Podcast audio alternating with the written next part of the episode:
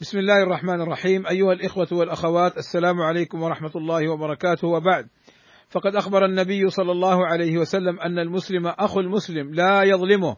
فعن عبد الله بن عمرو رضي الله عنهما أن رسول الله صلى الله عليه وسلم قال: المسلم أخو المسلم لا يظلمه ولا يسلمه.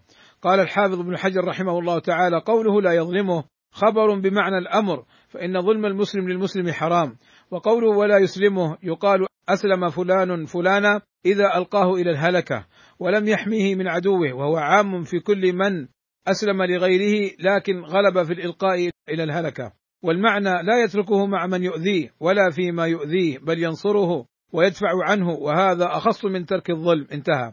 وعن البراء بن عازب قال رضي الله عنه وعن البراء بن عازب رضي الله عنه قال أمرنا رسول الله صلى الله عليه وسلم بسبع بعيادة المريض واتباع الجنائز وتشميط العاطس ونصر الضعيف وعون المظلوم وإفشاء السلام وإبرار المقسم. قال الحافظ شرط الناصر أن يكون عالما بكون الفعل ظلما.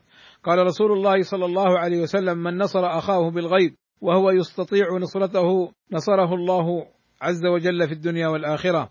وأمر صلى الله عليه وسلم بنصرة المسلم ظالما كان أو مظلوما. وقد تعجب الصحابة رضي الله عنهم من نصرة الظالم فبين لهم النبي صلى الله عليه وسلم كيفية نصرة الظالم. فعن أنس رضي الله عنه قال قال رسول الله صلى الله عليه وسلم انصر أخاك ظالما أو مظلوما. فقال رجل يا رسول الله أنصره إذا كان مظلوما. أفرأيت إذا كان ظالما؟ كيف أنصره؟ فقال صلى الله عليه وسلم تحجزه أو تمنعه من الظلم فإن ذلك نصره. قال ابن بطال رحمه الله تعالى معناه أن الظالم مظلوم في نفسه. فيدخل فيه ردع المرء عن ظلمه لنفسه حسا ومعنى. انتهى. والسلام عليكم ورحمة الله وبركاته.